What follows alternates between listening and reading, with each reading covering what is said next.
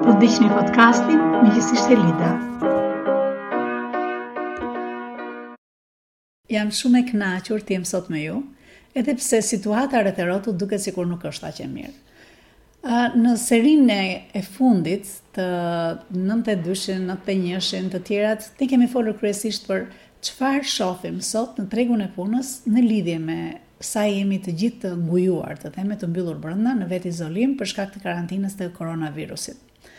Në fakt, një nga gjërat që doja të ndaja sot është çfarë unë personalisht kam mësuar prej atyre personave me të cilët unë punoj në mënyrë të ethshme këto kohë dhe janë persona të cilët unë i quaj me shumë dashuri persona të cilët janë pasuria jonë kombëtare. Janë ata që drejtojnë sot, po ta vini re, janë ata që drejtojnë sot ekonominë tonë. Janë ata që në luftë me kohën, sot po mundohen të bëjnë më të mirën së pari për familjet e tyre dhe së dyti për bizneset e tyre. Uh, jam e bekuar të punoj me ta dhe sot do doja të ndaja disa mësime siç thashë që unë kam marrë prej tyre. Mësimi i parë është që çdo gjë që ti do ta bësh te puna jote, dhe në qoftë se më lejoni të them, kjo nuk ka të bëjë në fakt me një punë e cila është vetëm kur punon për vete apo kur punon në biznesin tënd, por edhe kur punon për të tjerët, por edhe kur ke një startup që je duke ndërtuar.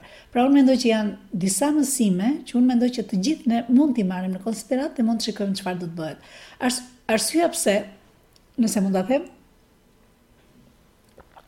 është sepse sa do shkojë dhe kjo karantina, sa do zgjatë, në fund fare ne do dalim. Pyetja që bëhet rëndom është, cilat janë dëmet që do bëhen pas këtij tërmeti të madh? Cilat janë ato goditje pas tërmetit?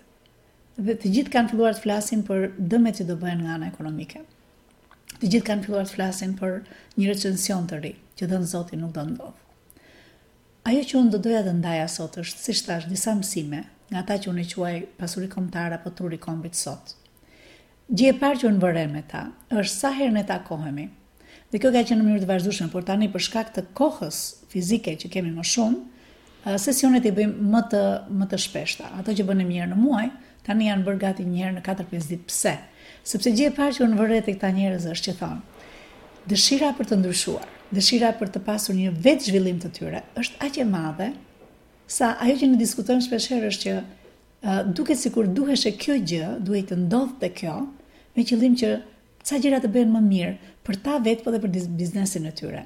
Gjë e parë që unë vërej është ajo dëshirë e madhe për t'u vetëndryshuar, për t'u vetëzhvilluar, për të hecur në një stad tjetër dhe për të, për t'u përgatitur për një kohë e cila të gjithë e dimë që do të jetë më e vështirë nga ç'është tani.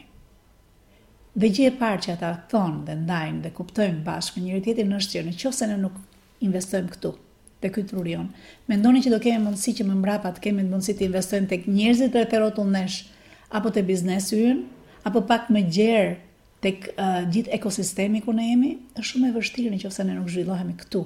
Pra gjë e parë që unë shoh me këta persona është që ajo që ne bëjmë skanimin e parë, cilat janë aftësitë e reja që ne duhet të marrim këtë periudhë për t'i dalë më, më mbrapa situatës uh, me aftësitë e reja që na e kërkon koha.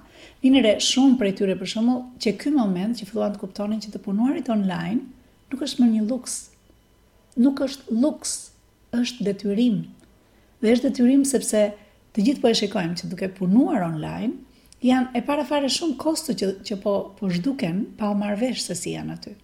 Nga ana tjetër ka shumë e shumë gjëra të mira, por po marr vetëm këtë aftësimin e të lidhurit të teknologjisë sot me drejtimin e njerëzve.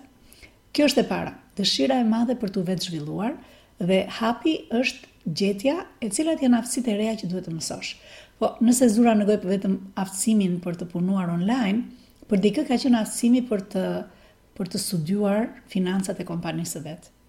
Dhe shumë kanë filluar tani të mësojnë realisht për për buxhetime në hollësi.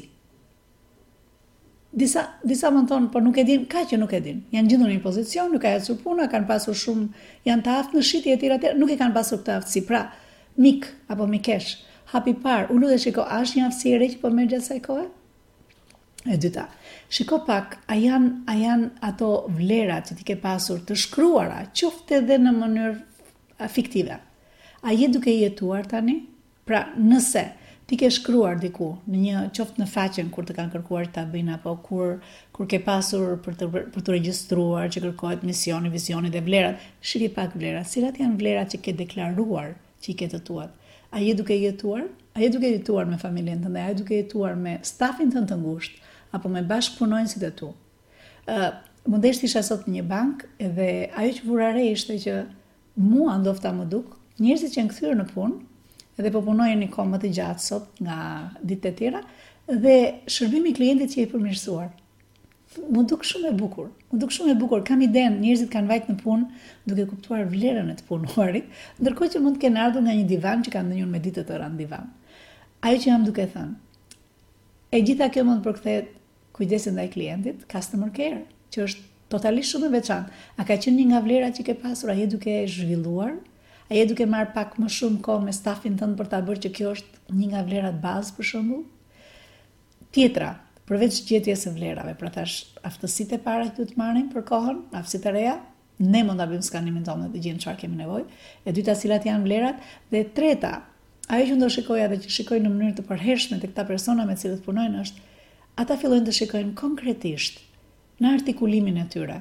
Fillojnë të shohin cilat janë mundësitë që kam. Opsionale. Janë duke thënë, ok, opsioni i parë është ky, opsioni i dytë, opsioni i tretë. Çfarë mund të dalë nga kjo? Çfarë do dalë pas tre muajsh, çfarë do dalë pas dy muajsh, çfarë do dalë deri në dhjetor të njëzet njëzetës.